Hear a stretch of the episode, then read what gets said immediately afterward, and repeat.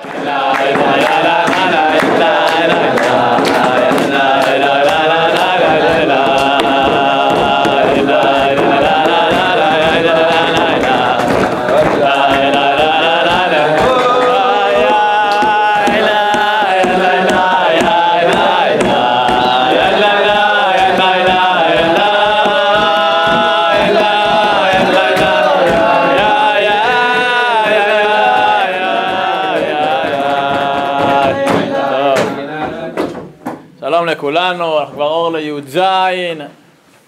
באדר ראשון, המכונה אדר א', סיימנו את אה, תקופת השובבים, אנחנו כבר לא ברצף הפרשיות של, של שובבים תת, אנחנו כבר מריחים את פורים ככה, את הבקבוקים של יין ראיתי ריקים מקודם, חשבו שהם נכנסו, העלימו ראיות, אבל אה, אבל כל שבוע בפני עצמו עומד, זה בסדר גמור, סיבה למסיבה, וכידוע שהשבוע לא מתחיל, אה, לא מתחיל ביום ראשון, גם השבת נכנסת ביום, ביום שישי בערב, אלא השבוע אומר לנו הרזמן הקדוש, כבוד השם מכובד, מתחיל ביום רביעי, אתמול אמרנו יום רביעי בשבת וקיוונו להמשיך תוספת נפש מהשבת הבאה לנו טובה, באמת באה לטובה בעזרת השם.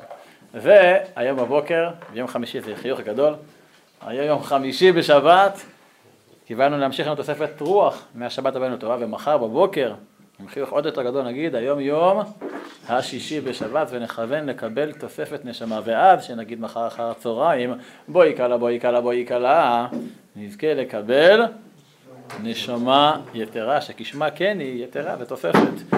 דידי יא, יא, יא, יא, יא,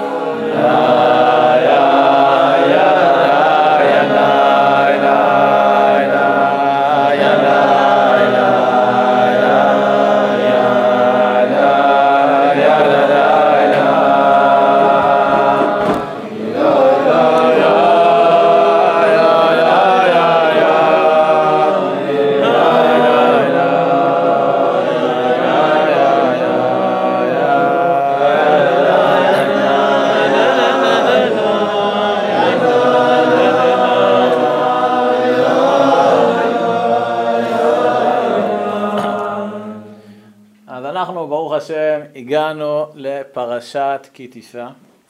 בחב"ד מסבירים שהעניין של הנסיעה של כי תישא זה מלשון נשיאת הפכים. באמת פרשת כי תישא יש בה עניין מאוד עמוק של נשיאת הפכים. מצד אחד הפרשה, פרשת כי תישא מורידה אותנו לשאול תחתיות, לתחתית של התחתית, או בשפה העברית חטא העגל.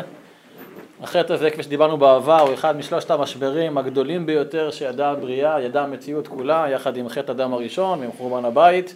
לא נרחיב על זה עכשיו את השיעור. אבל עד כדי כך שחז"ל מוצאים לנכון ללמד מסכת סנהדרין, דף קב כמדומני, שאין שום חטא גם היום, בתשע"ט או בכל זמן אחר, שאין בו איזשהו קורטוב, איזשהו נגיעה, איזשהו יניקה מהחטא שהיה בעגל, חטא העגל בפרשת כי. ועם זאת, אמרנו נשיאת הפכים, הפרשה שלנו, פרשת כי תישא, היא מגביהה אותנו לפסגת ההשגה האנושית, הריני נא את כבודיך וראית את אחורה, י"ג מידות אז מה עושים? נתחיל עם, ה... עם האפ או עם הדאון? נתחיל עם הפסגה או נתחיל עם, ה... עם השעות תחתיות? מה נעשה? נתחיל בסיפור. הכי טוב, מה שבטוח. מקור א' לפניכם, מתוך הספר סיפורים מחדר הרבי, ספר שאני מאוד אוהב, של ליקוטים של כל מיני רעיונות עם המזכירים של קבוצת הרבי מלובביץ' דורנו, זכותו מגינה עלינו. מספר הרב בנימין קליין, אחד המזכירים הקרובים של הרבי. לפני עשרות שנים ביקרה קבוצת סטודנטים אצל הרבי. איפה הרבי נמצא? בניו יורק, איפה? 770. כשהסבירו להם כי אכן שכינה מדברת מגרונו של הרבי, שאל אחד מהם, האם הרבי אינו טועה אף פעם? טוב, אז המזכיר לא ענה לו. נכנסו ליחידות. כאשר נכנסו, אה, נכנסו ליחידות, שאל אחד מהם, אם הרבי אף פעם אינו טועה, מדוע יש לרבי מחק נוסף על העיפרון? אה, איזה קושייה. הרבי השיב, רבי אכן אינו טועה. אבל היום הוא גדול יותר מאתמול. והיום הוא רק מוסיף על מה שכתב אתמול. כלומר המחק אינו כדי למחוק את הטעות, אלא כדי למחוק את מה שהיה נכון לאתמול. אבל היום הוא במקום אחר, טוב יותר, נעלה יותר. על זה נאמר וואי וואי, הרב יעקב היה עושה מזה מטעמים, נכון? לפי ספר הזוהר הקדוש, התפשטותא דמשה בכל דרא ודרא, בכל דור ודור יש את ההתפשטות של משה רבנו. בכל דור ודור יש לנו את הצדיקים שהם ההמשכה של משה רבנו עליו השלום, אז ממילא המענה של הרבי, שהוא בוודאי התפשטותא דמשה, זה בעצם המענה של משה רבנו. ומה משה רבנו עונה לשאלה שהפנה הסטודנט על המחק? אז אם רוצים להבין את זה, מה הסוד של המחק בקצה העיפרון של הרבי, נצטרך להסתכל ולהתבונן בתפקוד של משה רבנו בפרשתנו. אפילו תחרות. טוב, אנחנו לא יודעים הרבה על האופי, על האישיות של משה רבנו. זה לא הקטע המרכזי. בכל חומש שמות, בכלל בתורה יש לנו רק שתי פרשיות אולי, שהן חושפות בפנינו איזשהו טפח מסוים, מאוד מצומצם, מהאישיות הייחודית של משה רבנו, וכוונתי לפרשת שמות, שם כל הסיפור של ההולדה שלו, יאור, בית פרעה, יער וסבלותם, מדיין, חס וחלילה סנה, ופרשת כי תישא, הפרשה שלנו. אבל צריך לעמוד על היחס בין פרשת שמות לפרשתנו מבחינת האופי של משה שמתגלה בכל פרשה. בפרשה שלנו כי תישא אנחנו עדים לגילוי העליון ביותר שאי פעם בן אנוש חווה. משה מבקש מגמר של עולם מרני נא את כבודיך. לאחר מכן הקדוש ברוך הוא שנאמר ודיבר השם אל משה פנים בפנים. הוא מגלה את הסוד הכי כמוס שלו, איך להשתמש בי"ג מידות של רחמים, כמו שאומרים רבי יוחנן ורבי יהודה, תראו מקור ב' לפניכם, במסכת ראש השנה דף י"ז עמוד ב', ויעבור השם על פניו ויקרא ש... כן, אמר רבי יוחנן, אלמלא מקרא כתוב ואי אפשר לאומרו, מלמד שנתעטף הקדוש ברוך הוא כשליח ציבור, והראה לו למשה סדר תפילה. אמר לו, כל זמן שישראל חוטאין, יעשו לפניי כסדר הזה, ואני מוחה להם.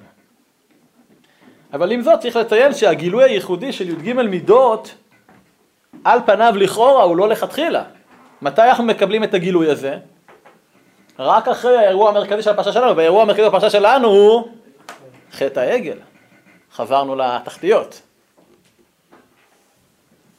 אז צריך לתמוע, איך יכול להיות שהגילוי העליון ביותר, אותו חווה משה רבנו, מתרחש דווקא לאחרי, אחרי החטא הנורא ביותר. הקדוש ברוך הוא אומר למשה אחרי החטא, מה אומר לו? לך רד. למה? כי שיחת עמך. מה הוא מחווה? מה זה לך רד? רד מגדולתך. אז איך משה רבנו מגיע לפי של הפסגה האנושית לדרגה הגבוהה ביותר דווקא אחרי שרד מגדולתך, כי שיחת עמך. והפתרון לתמיהה הנוספת הזאת נעוץ אולי בגישות השונות של חז"ל לחטא העגל. בחטא העגל, בחטא העגל יש גישות שונות. יש מרבותינו דרודים לשבח, דורשים לגנאי, ונראה הליקוט המדרשי פה בכמה מבוסס על שיעור שמעתי מהרב ליכטנשטיין זצ"ל לפני הרבה שנים. אז בואו נראה. אחת הגישות במדרש סוברת שהקדוש ברוך הוא כועס על משה. הוא נוזף בו על העובדה שהוא שבר את הלוחות. מקור ג' מדרש רבה, פרשת עקב. ויהי חרף משה וישלך מידיו את הלוחות, זה שאמר הכתוב אל תבהל ברוחך לכעוס. אמר לו הקדוש ברוך הוא, אה משה אתה מפיג חמתך בלוחות הברית?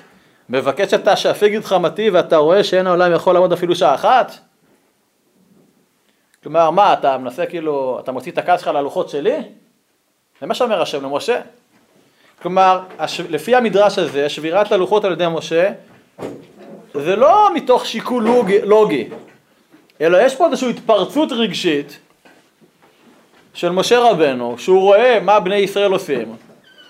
זה קורה גם לנו לפעמים, מתוך, מתוך העידנא דריתחא, מתוך הכעס, שוברים.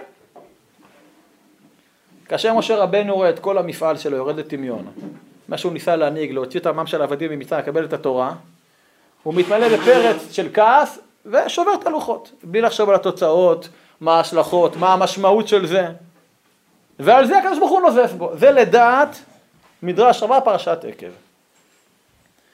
אבל לפי התנחום בפרשה שלנו, משה רבנו בכלל לא שבר את הלוחות. אז מה, אז מה קרה אם הוא לא שבר את הלוחות? זה כמו להבדיל בין קדושה לדברים אחרים, יש מערכון של כוורת בסיפורי פוגי, שאומרים לו תגיד זה נכון שאתם, אחד מהלוחמים שבאצ"ל, שאתם פוצצתם את מלון קינג דיוויד, כן, עם ה... זה לא שקר וכזב, אנחנו רק פוצצנו את הלובי, השאר נפל לבד. אז לפי התנחומה, משה רבנו בכלל לא שבר את הלוחות, הם פשוט נשברו לו, בואו נראה. לקח משה את הלוחות, מקור ד' לפני תנחומה, אה, סימן כ"ו. לקח משה את הלוחות והיה יורד, והיו הכתובים סובלים את עצמם ואת משה עימן. וכשראו את התופים ואת המחולות ואת העגל, ברחו הכתובים ופרחו מן הלוחות, ונמצאו כבדין על ידי משה, ולא יכול משה לסבול את עצמו ולא את הלוחות, והשליחן מידיו ונשתברו. חי נושא את עצמו. שמשה יורד מנהר הלוחות נושאות גם את עצמן וגם את משה. אבל משה נמצא כולו ברוח המעמד הגדול. הוא חדור מוטיבציה, רצון להנחיל עכשיו את התורה, תורת משה את הדברים לעם. במצב כזה שום משקל שבעולם לא יכול להטריד אותו. הוא סובל את משקל הלוחות והוא בא עכשיו ללמד אותם תורה, אבל כשהוא רואה את מעשה בני ישראל, תשש כוחו, נכון? וכל הרוח מהמפרשים שלו יוצאת, ומה קורה? כל הכוח הנפשי שהיה אצלו בתוכו, שהתבטא, בא לידי ביטוי גם בכוח גופני, נעלם, ואין לו עוד כוח, והלוחות פשוט נשבעות, הוא לא מצליח להחזיק אותם. כלומר, משה רבנו כן רצה להביא את הלוחות לישראל, הוא לא התכוון לשבור אותם, אבל מגודל האכזבה, מגודל התמיהה על המעשה הנפשע של ישראל, כל הכוחות הנפשיים שלו אוזלים. אותם כוחות נפשיים שעזרו לו להחזיק מעמד 40 יום בלי אוכל ובלי שתייה, כן, וכולי, וישבר אותם תחת ההר. אבל, גישה נוספת, הפעם מדרש רבה על הפרשה כי תישא, פרשה מ"ג, היא צובעת את כל המעשה של משה באור אחר לגמרי. אמר משה מוטב יראה אותה כפנויה ולא כאשת איש. כלומר, משה קולט מה הולך להיות עכשיו. הוא רואה את העם נוטש את כל הערכים שהוא חינך אותם ביציאה ממצרים. הוא מבין שעוד רגע, מה הולך להיות אם הוא ייתן להם את התורה. מסיבה זאת משה רבנו מעדיף לשבור את הלוחות, ואז לגרוך שבני ישראל לא יקבלו את הלוחות, לא יקבלו את התורה, ואז הבגידה שלהם היא לא תהיה נטישה ישירה של הלוחות, כי הם לא קיבלו אותם, אלא בסך הכל לא פגם של אשת איש, אלא פגם של פנויה, שזה גם פגם, אבל לא אשת איש, זה לא ניאוף. וזה מדהים מה ההמשך של המדרש. ועוד אמר משה, מוטב יהיו כשוגגין ואל יהיו מזידין. למה שהיה כתוב בלוחות, אנוכי השם אלוקיך, ועונשו אצל, אצלו, זובח לאלוהים יחורם. לפיכך שבר את הלוחות. אז גם כשמשה רואה שהעם זנח את כל מה שמשה לימד אותם, הוא לא מרפה מהניסיון לשמור על עם ישראל. ולכן הוא עושה שיקול פנימי, שנקרא משוקר בצבא, כינוס קודקודים, אוקיי? והוא מבין שעדיף בשביל עם ישראל שהלוחות יישברו. יש מדרש נוסף, ילקוט שמעוני פרשת יתרו, הולך בכיוון דומה אבל קצת שונה. אומר המדרש ג' דברים עשה משה מדעתו והסכים הקדוש ברוך הוא עמו, אחד הדברים זה שבר את הלוחות. למרות שמשה עושה, עשה את השיקול מעצמו, הקדוש ברוך הוא מסכים למעשה שלו ובדיעבד נותן לו הכשר, הכשר אלוקי, יישר כוח, יישר כוחך ששיברת. ולא רק זה, הקדוש ברוך הוא מציע לו בעקבות זה הצעה מפתה, שאני אף פעם לא קיבלתי, ואף בן אנוש אחר לא קיבל, וגם אתם לא, ואתה הניחה לי ואיכה פי בהם ואעשה אותך לגוי גדול.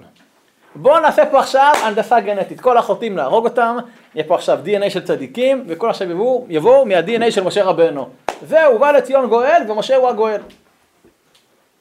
אבל משה רבנו, רבנו, הוא מסרב להצעה של הקדוש ברוך הוא. ואם יש את הדילמה במי לבחור, בקדוש ברוך הוא או עם ישראל, משה רבנו לא מתלבט ולא, ולא מהסס. במי הוא בוחר? בעם ישראל. גם אם זה אומר על חשבון הקדוש ברוך הוא כביכול. משה רבנו לא עוצר כאן. מה בקדוש ברוך הוא? ריבונו של עולם, שיהיה לך ברור. ואם אין, מכן עיני מספרך שכתבת, כאילו שיהיה לך ברור. או שאתה עושה מה שאני רוצה, או שאתה עושה מה שאני רוצה. כמו שאומרים בקיבוץ, או אתה ילד מוכשר, או מה אתה רוצה לעבוד, יש לך שתי אפשרות, או שתהיה רפתן או שתעבוד ברפת. נו, מה תשובתך החיובית? מקים משא ומתן כזה? כל אחד בטח מעדיף להיות רפתן, או תעבוד ברפת. משה רבנו מסביר לקדוש ברוך הוא שתכלס אין, כל, אין לקדוש ברוך הוא בעצמו כל משמעות בלי עם ישראל. ואם עם ישראל יימחה על ידי הקדוש ברוך הוא בעקבות החטא, אז גם הקדוש ברוך הוא יימחה בעקבות כך. שזה מובן, צריך להבין את האמירה הזאת. נגיד בשפה יותר עממית, משה רבנו שוכב על הגדר, קופץ על הרימון, למען בני ישראל, למען החוטאים. גם כשהוא מבין שייתכן וזה לא בחייו, או בחייו הרוחניים, בדבקות שלו הקדוש ברוך הוא, בשליחות שלו עלי אדמות, בהשגות שלו. עכשיו בירושלמי בתענית, הדו שיח בין משה לקדוש ברוך הוא ממש נצבע בצבעים של מאבק. של ממש עימות פיזי. תראו, רבי שמואל בר נחמן ושל רבי יונתן, הלוחות היו אורכן שישה טפחים ורוחבן שלושה, והיה משה תפוס בטפחיים, שתי הטפחיים התחתונים, והקדוש ברוך הוא בטפחיים העליונים, וטפחיים רווח באמצע.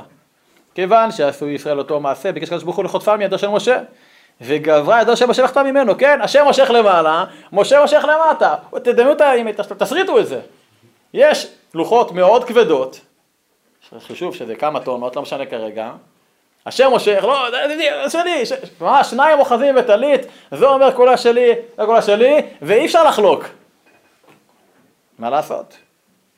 כיוון שעשו ישראל, כן, הוא שהכתוב משבחו בסוף הוא אומר לכל היד החזקה, כן? או, איזה יד חזקה של משה רבנו, הוא ניצח את הקדוש ברוך הוא בהורדת ידיים על הלוחות. רבי יוחנן ושל רבי יוסף בר אביי, הלוחות היו מבקשים לפרוח והיה משה תופסם, לכתיב ואתפוס בשני הלוחות. תנא בשל רבי נחמיה, הכתב עצמו פרח, רבי עזרא בשם רבי יהודה ברבי סימון, הלוחות היו מסוי 40 סאה. 40 סאה שמה יש פה בלן? השיטות המקלות ביותר זה 330 ליטר, נכון? שיטות מחמרות יותר, יש 648, 750 ליטר, דבר יציב 1,000 ליטר, 40, נניח 330 ליטר, נניח. והכתב היה סובלן, כיוון שפרח הכתב, כבדו על ידיו של משה ונפלו ונשתמו. בסוף הקדוש ברוך הוא משחרר, מרפא ומאפשר, עכשיו במה תעשה איך שאתה רוצה. ומה קורה? שבירת הלוחות. עכשיו ההתנהלות הזאת של משה מול הקדוש ברוך הוא והמסירות שלו למען עם ישראל, כפי שעולה מהפסוקים שקראנו עכשיו, מכל המדרשים, זה ממש שונה בתכלית מהאופי של משה עליו קראנו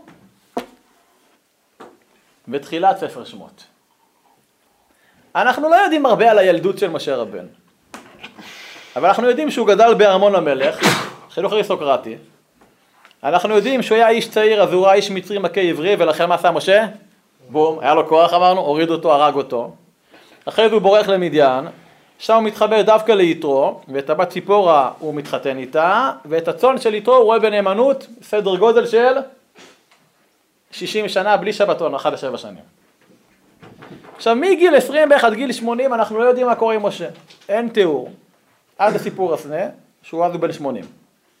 60 שנה משה רבנו רואה צאן חותנו במדבר, יש לשער שהוא העדיף את המדבר, אומרים הפרשנים, כי בבית היה עבודה זרה, במדבר יכול להתבודד, להיות עם הצאן, לעסוק בפילוסופיה, קבלה, אלוקות, פיזיקה, מטאפיזיקה וכולי.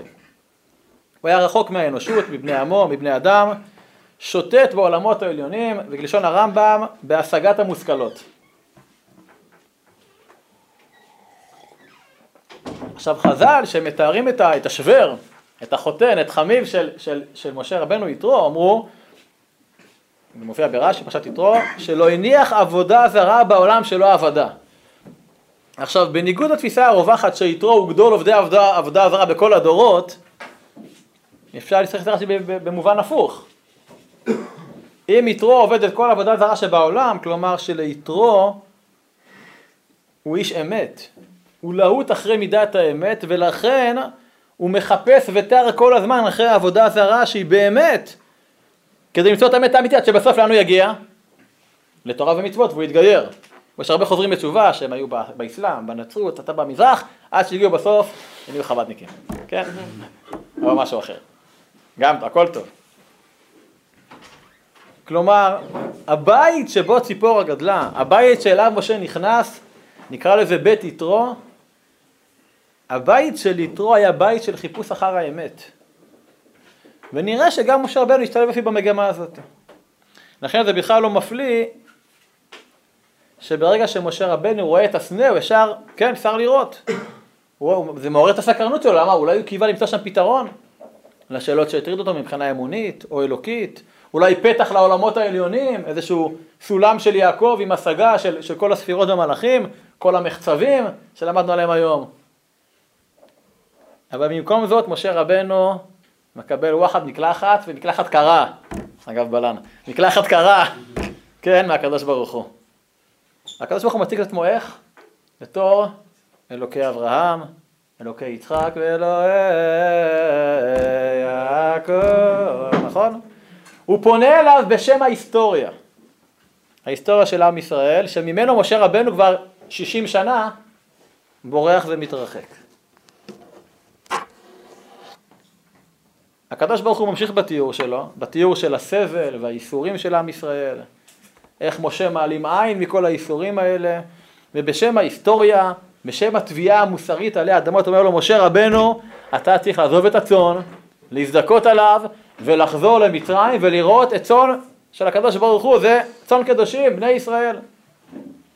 מה הפתרון של משה? כמו חייל טוב, ננסה להתחפשן. סליחה, משה רבנו היה מהמנה, מחפש תירוצים. מי אנוכי כי אלך אל פרעה, ואין לא יאמינו לי, לא איש דברים אנוכי. הוא מתווכח עם משה, ולבסוף הוא מצליח לשכנע אותו לקבל את התפקיד. עכשיו שנבין עד כמה משה כביכול מנותק מהעם, הוא שואל אותו, אבל, אבל רגע, רגע, הוא, ואמרו לי מה שמו, מה אמר עליהם? נכון, ש, שיש עבדים, אתה בא לשחרר אותם, רגע, רגע, אתה, אתה שם אלוקים או אתה שם הוויה? אני צריך לדעת בדיוק אם זה מתאים לי לצאת איתך. אתה משחרר, אתה פותח פתח בכלא, כל העבדים בורחים, לא, לא אכפת לי אם מוציא אותם, נכון? עכשיו באמת אכפת לי אם זה שם הוויה או שם אלוקים? ובהמשך משה רבנו חוזר ואומר, למה ראות על העם הזה? למה זה שלחתני? ומה התשובה של הקדוש ברוך הוא בתחילת פרשת וירא? זוכרים? אלוקי אברהם, איי איי איי איי, שוב פעם חוזר לאבות. אומר לו משה, אברהם לא פרש מן העולם ועסק במושכלות אלוקיות במדבר, אברהם דאג לדור שלו. אפילו לאנשי סדום הרשעים, לא תגיד לבני ישראל העם שלך, לסדום. הוא דואג להם. ואתה, משה, מתנהג, דואג לעצמך, אתה לא מוכן לדאוג לעם שלך? עכשיו, הצורך הזה של משה לדאוג לעצמו ולא רוצה ללכת להציל את עם ישראל, זה בסדר. אפשר להבין, הוא מעוניין בהתבודדות, כדי להמשיך ולעבוד את קונו, בלי הפרעות, בלי קבלת קהל, בלי אופוזיציה, קואליציה, בלי בלאגנים עם פרעה, אני יכול להבין אותו. הוא רוצה לבצע בצורה בצורה יותר טובה, ואדם שלבד יותר קל לו מאשר עכשיו, כן, הציבור, כן, נתן להם עול ציבור והם קלים מעליהם, אומרים חז"ל. אנחנו מכירים הרבה מהמנהיגים בעם ישראל שסירבו בתוקף לקבל את ההנהגה, את הרבנות, את הנשיאות, את האדמו"רות, הרבי מלובביץ' למשל, במשך שנה שלמה, סירב להיות רבה, לא הסכים. גם אחרי זה הסכים, אבל בתנאים מסוימים. הרבי מעם שלנו בשליטה, גם לא הסכים להיות רבה, יצא בתסרואל מגור, בא אליו והכריח אותו, והוא היה בן 23, אבל אמר בלי טישים ותעזבו את המשפחה שלי, כל מיני סייגים מסוימים וכולי. טוב, זה מה שאנחנו יודעים על משה בתחילת דרכו. כפי שאמרנו בהתחלה, האופי של משה בפרשה שלנו, בעקבות חטא העגל, הוא ממש שונה בתכלית. יש פה שינוי של 180 מעלות, מרועה צאן שמסרב לשליחות לגאול את ישראל, הוא הופך לרועה הנאמן, ראיה מהמלק לשון הזוהר הקדוש, שמוכן לוותר על הכל ולהשליך את עצמו מנגד, אפילו מנגד הקדוש ברוך הוא, בשביל עם ישראל, עמו וצוות של הקדוש ברוך הוא. שאלה למה? יש ניגון, ניגון של משה רבנו. משה אמת ותורתו אמת, משה אמת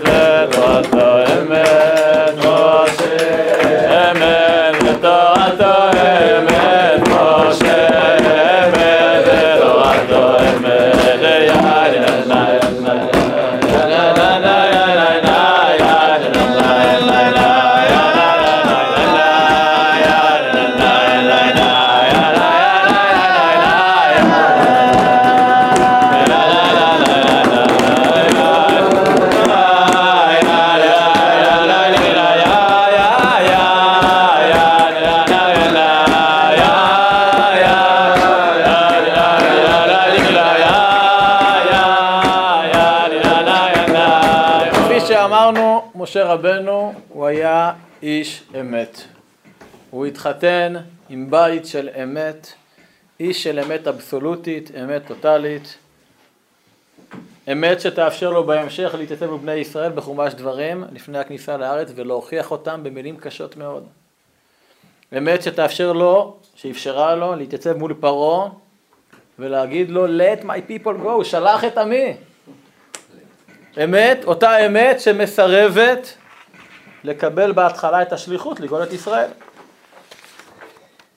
אותה אמת שתתייצב מול הקדוש ברוך הוא פרשה שלנו ותגיד לו לא, ואצלך לגוי גדול, התשובה היא לא, לא רוצה. ולא רק שאני לא רוצה, ועם העין, מכינה מסעיף אחד שכבר עברנו. לפעמים אנשים חושבים, אגב בחירות, שלהיות אמיתי משמעו להיות קשוח ולהיות עקבי. לא לסטות ב, ברמת השקל, ברמת הפיקסל, ממה שאמרתי בעבר. מה שהיה נכון אז רלוונטי גם היום. אבל אנחנו צריכים ללמוד ממשה רבנו, מה שהיה נכון אז, היה נכון אז. אבל עכשיו זה משהו אחר. היום הוא יום חדש. איך אומר הרבי? אבל היום הוא גדול יותר מאתמול, והיום הוא מוסיף על מה שכתב אתמול. אגב, המחק הקדוש. כלומר, המחק לא בא כדי למחוק את הטעות, אלא כדי למחוק את מה שהיה נכון לאתמול. אבל היום הוא במקום אחר, טוב יותר, נעלה יותר, כמו שאמר הרבי. הרב היום אוהב את הסיפור על הקצוס והנתיבוס, מכירים? שבא קצת החושן, נפגש עם בעל הנתיבות המשפט, הגאון, רבי יעקב מליסה. אומר לו הגאון מליסה, בעל הנתיבות, לבעל הקצות, תגיד לי, איך יכול להיות שהספרים שלך נמכרים בכמויות ואצלי אף אחד לא קונה? הרי שנינו יודעים שאני הגאון. הוא אומר לו, נכון, ברור שאתה יותר גדול ממני, זה לא שאלה בכלל. אז תסביר לי, למה שלך קונים ושלי לא? אמר לו בעל הקצות, הגאון מליסה, תגיד לי, מה הדבר הראשון שאתה עושה כשאתה קם בבוקר? מה זאת אומרת? לוקח, את הנוצת הקולמוס וכותב את כל חידושי התורה שהתחדשו לי בלילה. הוא אומר לו, אה, עכשיו הבנתי. אומר לו, למה, אתה יודע מה אני עושה? הוא אומר, אני אגיד לך מה אני עושה. אומר בעל הקצות, שאני קם בבוקר, דבר ראשון מה אני עושה? מוחק כל מה שכתבתי אתמול. מבחינה אחרת. להיות איש אמת, הכוונה לדעת להכיר באמת שהיא מתגלה בכל יום, בכל רגע. ולא לנסות להכריח ולכפות את העבר על ההווה ובטח על העתיד. השם המרכזי של הקדוש ברוך הוא הוא שם הוויה. היה, הווה ויהיה. כאשר אנחנו יודעים איך לשתות, איך לינוק מהעבר, להפנות את המבט שלנו לעתיד, אבל לחיות בהווה באמת, אז אנחנו מדמים לקדוש ברוך הוא, שהוא היה, הווה ויהיה. כלומר שהוא נוכח במציאות בזמן אמת, באמת. ועל רקע החידוש הגדול שמתגלה לנו בדמותו של משה רבנו, עכשיו נוכל להבין את המתנה הגדולה שאנחנו מקבלים בעקבות חטא העגל. או ליתר דיוק, בעקבות דברי הריצוי והפיוס של משה רבנו עליו השלום. עכשיו את האריאל הבא שמעתי לפני הרבה שנים במושב בית גמליאל, בדבר תורה בערב שבת, פרשת כי תישא, לא יודע באיזה שנה, בכנסת מנחת שי, לפני הרבה שנים, פי ינון משה, השם זכו וחייהו.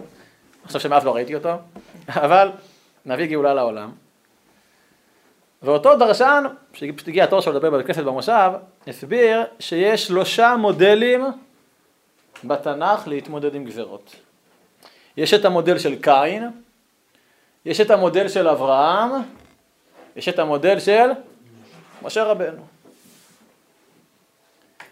כשעל קין נגזרה גזרה, הוא ביקש מהקדוש ברוך הוא רחמים. גדול עווני מנשוא, אבא תרחם, אבא תרחם.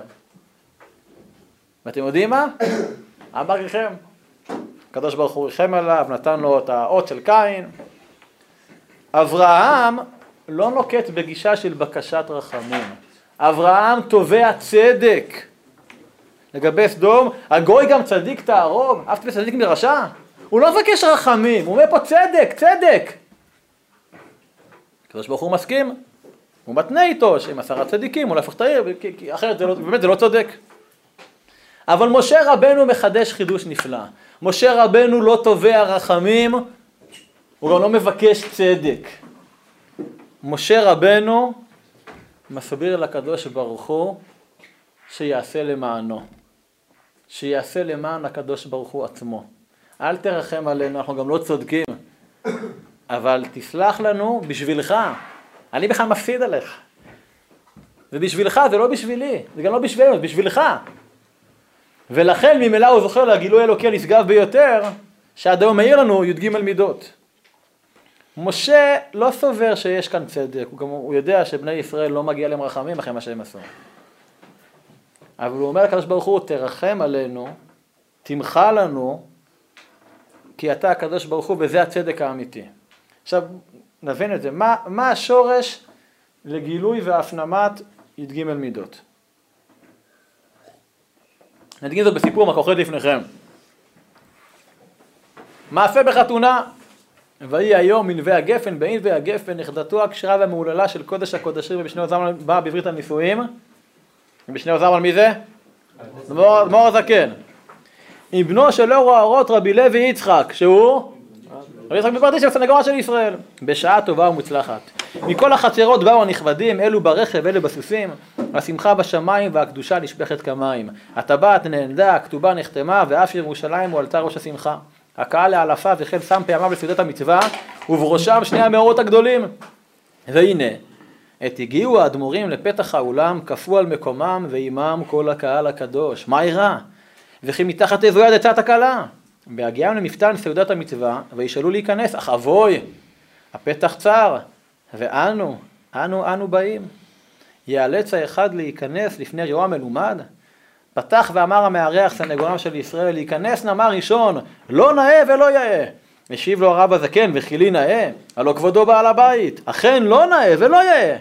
השיבו הרבי לוי יצחק, אמנם הנני המארח, אך כל כבודי הוא על שום שזכיתי להשתדך עמר. ויען ויאמר האדמו"ר, כבודו בא בימים, רב לאלפים, לא סיים דבריו ומיד הגיב הסנגור, הנני בא בימים, אך כבודו רב מזכה הרבים, וכך נמשך לו שיח השרפים, עלה מתעקש ועלה מסרב, הרב מתרץ והאדמו"ר ממאן לקבל. ויאמר רבי לוי יצחק, הבו לנו גרזן ואשבור הקיר. נתחלחל האדמו"ר. או אז הבחין האדמו"ר ביתד קטן המחזיק את השער, התכופף האדמו"ר מלוא קומתו, הסיט את היתד והנה לתדהמת הנוכחים, נפתח השער מלוא קומתו. העדים האדמו"ר, ניכר כי דבקות הילה אחזתו. הישיר מבטו לרעו הסנגור ואמר, יהודי צריך לדעת מתי לשבור את הקיר ומתי עליו להרחיב את הפתח. חיוך קל עלה על פני הסנגור, אחז ביד האדמו"ר, ימצא לתוך חיקו ויחדיו נכנסו לסעוד בסעודתה של מצווה. סיפור חביב עליי מאוד, מוסר השכל גדול, מתי לשבור את הקיר ומתי להרחיב את הפתח. אני חושב שהגישה של אדמו"ר הזקן על הרחבת הפתח היא דומה למקום של, לבקשת הרחמים של קין. גדול עווני מנסוע, אז הרחיב ממקום מועלך, השם פותח לו. רב לוי יצחק, שתובע גרזל לשבור את הקיר, הולך בשיטות של אברהם הוא תובע צדק. אי אפשר שני צדיקים להיכנס בו, בוא נשבור את הקיר וצדק, וניכנס ביחד. אז איפה הרבי השלישי? איפה... אז, אז מה, מה נעשה עם משה רבנו? אני חושב שמה שעומד בשורש גישתו של משה רבנו עליו השלום, כשהוא פונה לקדוש ברוך הוא בטענה שעליו לעשות למענו של הקדוש ברוך הוא למען שמו, עומד כאן שורש הביטול בתכלית, הביטול האנושי כלפי הקדוש ברוך הוא. לפי משה רבנו, אין כאן קיר שחוסם ואין דלת צרה. יש רק הקדוש ברוך הוא ועם ישראל בלי מחיצות. נכון, גם לבקשת רחמים, גם לתביעת צדק, יש מקום מאוד חשוב בעולם. אבל משה רבנו הוא תמיד האידיאל, מגלם את האידיאל של הביטול האנושי לבורא עולם, ועל כן הוא זכה שהשכינה מדברת מתוך גרונו. זה השגה של דבקות כזאת גדולה, עליונה, שהגוף האנושי בכלל לא מהווה חציצה, הוא לא מהווה מסך או מחסום בפני האלוקות. ולכן דווקא בגלל הביטול בתכלית של משה רבנו לקדוש ברוך הוא, אז זה בא לידי ביטוי בצורה שהוא לא מדבר על צדק, הוא לא מבקש רחמים, אלא הוא מדבר על כבוד השם בעולם, הוא מבקש ברוך מה שאומר את הקדוש ברוך הוא. הוא מדבר על קידוש השם, למה יאמרו הגויים איה אלוהיהם, מניעת חילול השם, על זה הוא מדבר. ובגלל שמה שמעניין את משה רבנו זה רק הקדוש ברוך הוא בעצם, אז הוא זוכה לגילוי הכי נשגב שיש, י"ג מידות, שכל עניינם זה הביטול השלם לקדוש ברוך הוא, ומתוך כך צומחת המחילה על העוונות, ולו יהיו העוונות החמורים ביותר. הרי י"ג מידות זה י"ג מידות של רחמים, מידותיו של הקדוש ברוך הוא, מתוך ביטול העולם לקדוש ברוך הוא. אדם שתמיד הוא אחוז במידת הביטול הוא לא טועה. גם אם הוא עושה את הדברים אחרת, וזה אפשרי, גם אם יש לו מחק בעיפרון, זה רק בגלל שהיום גדול מאתמול, זה הכל. בגלל זה משה רבנו לא מבקש רחמים והוא לא תובע צדק. הוא יודע שאם נכנס עכשיו פה למערכת של טיעונים של תועל וניתן על צדק ורחמים, זה משחק אבוד, הוא יפסיד. אין לו מה לתרץ, בני ישראל פישלו. כן? חז"ל מדמים את זה ככלה מזנב בבית חמיה, תחת החופה. אבל משה רבנו יודע שהכל בהשגחה פרטית. ולכן אם מה שאירע, מה שאירע זה מה שאירע עם העגל והלוחות, אז זה אומר שעכשיו הגיע הזמן להשתמש במחק. לא כי אתמול לא היה טוב, אלא שעכשיו ומחר צריך משהו חדש. פה במשבר זוגי, לא עליכם ולא עלינו, אף אחד מישראל, שאם חושבים שאחרי המשבר ניתן יהיה הכל להחזיר לקדמותו, אז מדובר בטעות קשה, וזוגות נופלים בזה. מה שהיה היה, הייתה מריבה, היה כסח, נאמרו מילים מאוד מאוד קשות, עלבונות, ביטויים, מעשים שלא יעשו. אי אפשר להחזיר את הגלגל אחורה, אבל מה אפשר? ניתן וצריך לגלגל את הגלגל קדימה. לנתב את הזוגיות שלנו עכשיו לפסגה יותר גבוהה, בה יש אוויר פסגות יותר צלול, ואת זה מבין משה רבנו עליו שלום, ולכן הוא מבטא את זה בשבירת הלוחות. כמי שאומר, ככה אי אפשר יותר. אנחנו אצלנו בעדה, enough is enough, אי אפשר יותר. זהו, אי אפשר. צריך לעלות קומה. עכשיו זה העומק ההסבר של הרב קרליבך, דיברנו על זה כמה פעמים. למה בני ישראל אומרים, הרי את מקודשת לי כדת משה וישראל, ולא כדת אדם וחווה בגן עדן מקדם. למה? למה?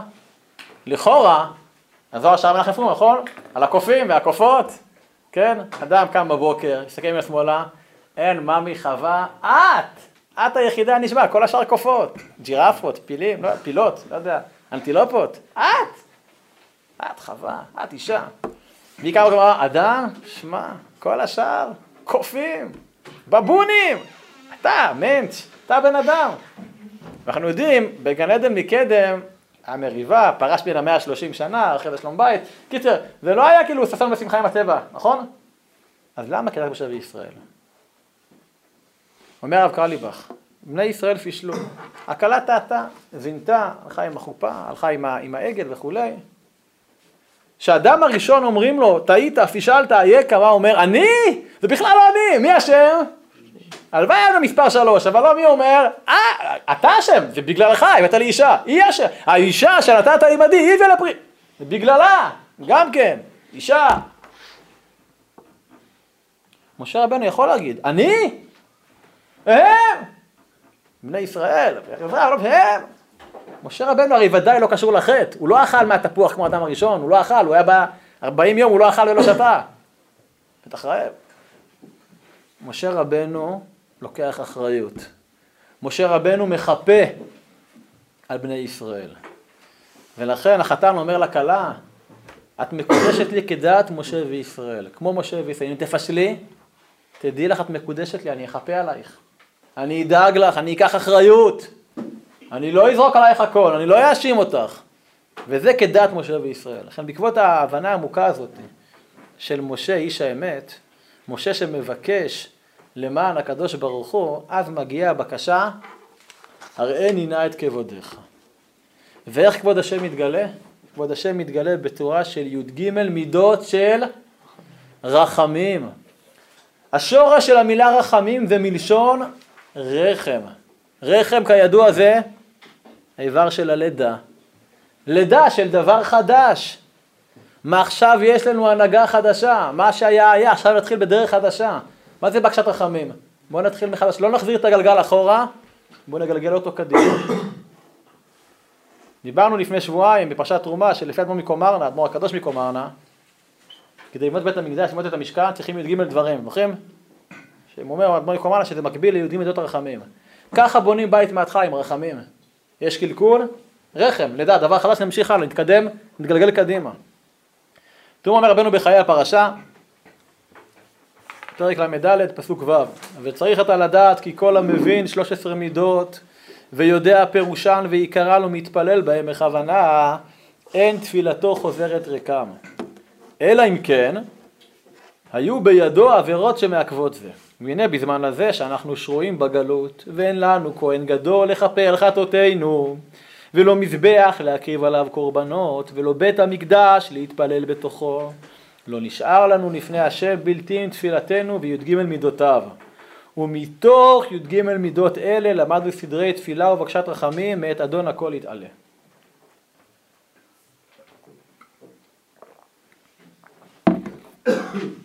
בזמן המקדש מי שחטא לא יכול לזכות לכפרה בלי קורבן. אם הוא חטא בעדים והתראה, דהיינו במזיד, גם קורבן לא יעזור לו, ויכול להיות שהוא יתחייב במיתה בבית דין, סקילה, שרפה, הרג או חנק. אבל י"ג מידות הרחמים בכוחן להמשיך תשובה ומחילה גם בלי קורבן. י"ג מידות הרחמים בכוחן להמשיך תשובה גם למי שחטא במזיד. מה שמזמן בית המקדש היה מחייב מיתה, היום בזכות י"ג מידות הרחמים זה מאפשר מחילה. תראו מה יש לך הקדוש כותב בעיטורי תורה, מצטט אותו, כל זמן שישראל חוטאים יעשו לפניי כסדר הזה ואני מוחל להם. כאן זה הגמרא בראש השנה קרא, דף י"ז. יאמרו לפניי כסדר הזה, אומר האלשיך הקדוש, לא נאמר, אלא יעשו לפניי.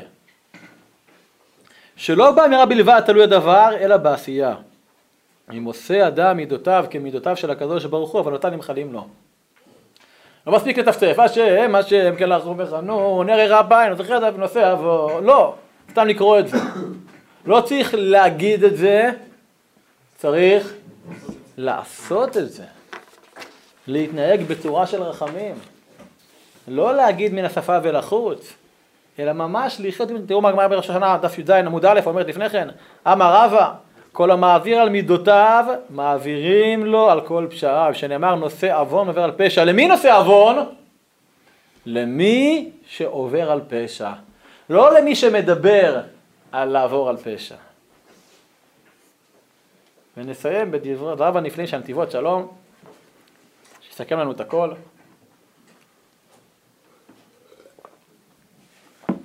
יש לבאר, בקשתו ושאלתו של משה, הרי נינה את כבודיך הייתה, הרי נינה איזה כבוד שמיים נהיה מכל הפרשה של חטא העגל. לאחר, סליחה על טעויות ההקלדה, לאחר ההתגלות הגדולה שהייתה בקבלת התורה שנפתחו כל הזין רקיעים וראו הכל שאין עוד מלבדו כמאמר אתה הורית על הדעת וגומר ולאחר כל זה נפלו בחטא העגל. איזה כבוד שמיים יצא מזה ואף שהיה להם בחירה הרי כבר נאמר ואתה סיבות ליבם אחורנית שעל פי מדית בספרים הקדושים הוא אפילו בעניינים שיש בהם בחירה ובמיוחד בעניינים הנוגעים לכלל ישראל, שלא ייתכן שעשו דבר כזה שהוא בהחלט נגד רצון השם. וודאי שאתה סיבות הליבם אחורנית למען תכלית הידועה לא יתברך. ועל זה ביקש משה הרימת כבודיך. כן, זה טיעון מאוד מאוד של מי השילוח כזה, של רב צדוק. איזה כבוד שמיים נהיה מזה. ויש לומר בזה יותר, כמו שכתוב בספר הקדוש דברי שלמה, שרבי שלמה מלוצק, שמעתי עליו לאחרונה בעיקר, העליב אותי אליו, הרב יובל בקסר שליטה, שגרם לי ככה להידבק בספר, ככה לעבוד עליו הרבה. בפרשה זו, לבאר מה שאמרו חז"ל, בתשובה מהווה זדונות נעשינו כזכויות, ובתשובה מיראה רק כשגגות, כן זה יומא דף פ"ו עמוד ב' כמדומני, שעניינו על דרך משל לאב שהלביש את בנו במלבושי יקר בתפארת, והזהירו מאוד שילך בדרך, בדרך הסלולה והנקייה, שאם ילך בדרך הקלטון, שם יש בורות מלאי בוץ וטינופת, עלולו ליפול ולהתלכלך ולהשחית את בגדיו היקרים. וכאשר הבן לא שמע בקול אביו ונפל ולהתלכלך בשחיתות בגדיו, הנה יש בית סוגי ילדים. הבן שאינו חכם, כל פחדו שלא יכעס אביו עליו ויענישהו, והוא הולך ובוכה לפני אביו על מה שעולל, ואב בראותו שהוא מתחרט צועק עליו מעט ואחר כך נרגע וסולח לו. וזהו עניין זדונות נעשינו כשגגות. אכן, הבן החכם אינו דואג רק על זה שאביו יצעק עליו, אלא בעיקר כואב לו מה שטינף והשחית לגמרי את מלבושיו הנאים. והרי הוא בוכה במר נפשו לאביו, איך, איך תתה, איך הנחת לי להתלכלך כל כך? אתה הרי ידעת שאני ילד ואין לי שכל, והיה לך למנוע בעדי מללכת לשם. כל אחד יחשוב על העבירות שלו, לא עלינו. ואז כשהאב רואה את צער הבן, הוא זה שמתחיל לפייס. הוא מבטיח לבנו שיכבס את בגדיו, והבן שאינו נרגע ממשיך לבכות עד שהאב מבטיח לו, לא נורא, לא נורא, שהוא יקנה לו מלבושים חדשים. וכשהבן בשלו, איך זה הנחת לי ליפול ולהתלכלך כל כך? אביו עוד מבטיחו לו שיקנה לו הרבה מתנות, כי אין דרך להרגיעו רק על ידי שימלא רצונו. וזהו פירוש זדונות, נעשינו כזכויות. שהעושה מאהבה אינו יכול להירגע מרוב מרירות ליבו על עוונותיו, ומוכרחים כביכול להעניק לו זכויות ולמלא כל משאלותיו כדי לפייסו. על דרך זה יש לבאר בקשתו של משה, הרי נינה את כבודיך. לאחר שהקדוש ברוך הוא כבר נתן לו את כל מה ששאל, כמעט זה כתוב, וינחם השם על האש דיבר לעשות לעמו, חזר וביקש ונפלנו אני ועמך, כן, שלא תשרה שכינתך, שלא תשרה שכינתך באומות העולם. וגם בקשה זו נתמלאה, כמו שכתוב, גם את הדבר הזה שדיברת אעשה. מפרש רש"י, שלא תשרה שכינתי עוד על הגויים. ואין דבריו של בלעם על ידי השראת השכינה ממש, וגם אחרי זה שנתמלאו כל בקשותיו, חזר עוד ושאל, הרי נינה את כבודיך, איך זה נתת לכל, לכלל ישראל ליפול ולשאול תחתית. ותשובת הקדוש ברוך הוא לא תוכל לראות את פניי כי לא יראני אדם וחי. היינו דעניינים אלו גבוה מעל גבוה הם. וקו שי דרחמנה שאין ילוד אישה אפילו משה רבנו עליו השלום יכול להשיגם. שאין ילוד אישה אפילו משה רבנו יכול להשיגם. כל תכלית הבריאה היא נסתרת בבחינת וראית את אחוריי ופניי לא יראו. וראית את אחוריי היינו בחיצוניות יהודי יכול לדעת את שעיניו רואות ומשיגות, מה עליו לעשות, מהו רצון השם, וכבוד השם, ומהי התכלית של כבוד השם העולה מכל הבריאה, ואפילו מהנפילות והחטאים. זאת אין ילוד אישה מסוגל להשיג. כולנו נופלים. לא פעם ולא פעמיים ולא שבעים פעם. אנחנו תמיד תמיד צריכים לזכור את המרחק של הרבי. באותו חדר ב-770. לזכור את הדרך של משה רבנו הרועה נאמן, שכל יום הוא גדול מאתמול. אם יש נפילה, זה אומר דבר אחד, אומר שככה אי אפשר להמשיך יותר. כלומר, אם יש נפילה, יש כאן תביעה עמוקה, תביעה גדולה להתקדמות, כדי שנוכל להגיע למקום טוב יותר, שמהשאול תחתיות של חטא העגל, להגיע להרני נא את כבודך. לי"ג מידות של רחמים. ועל דרך הפשט נרמוז, כמה זה הרי נא את כבודך בגימטריה?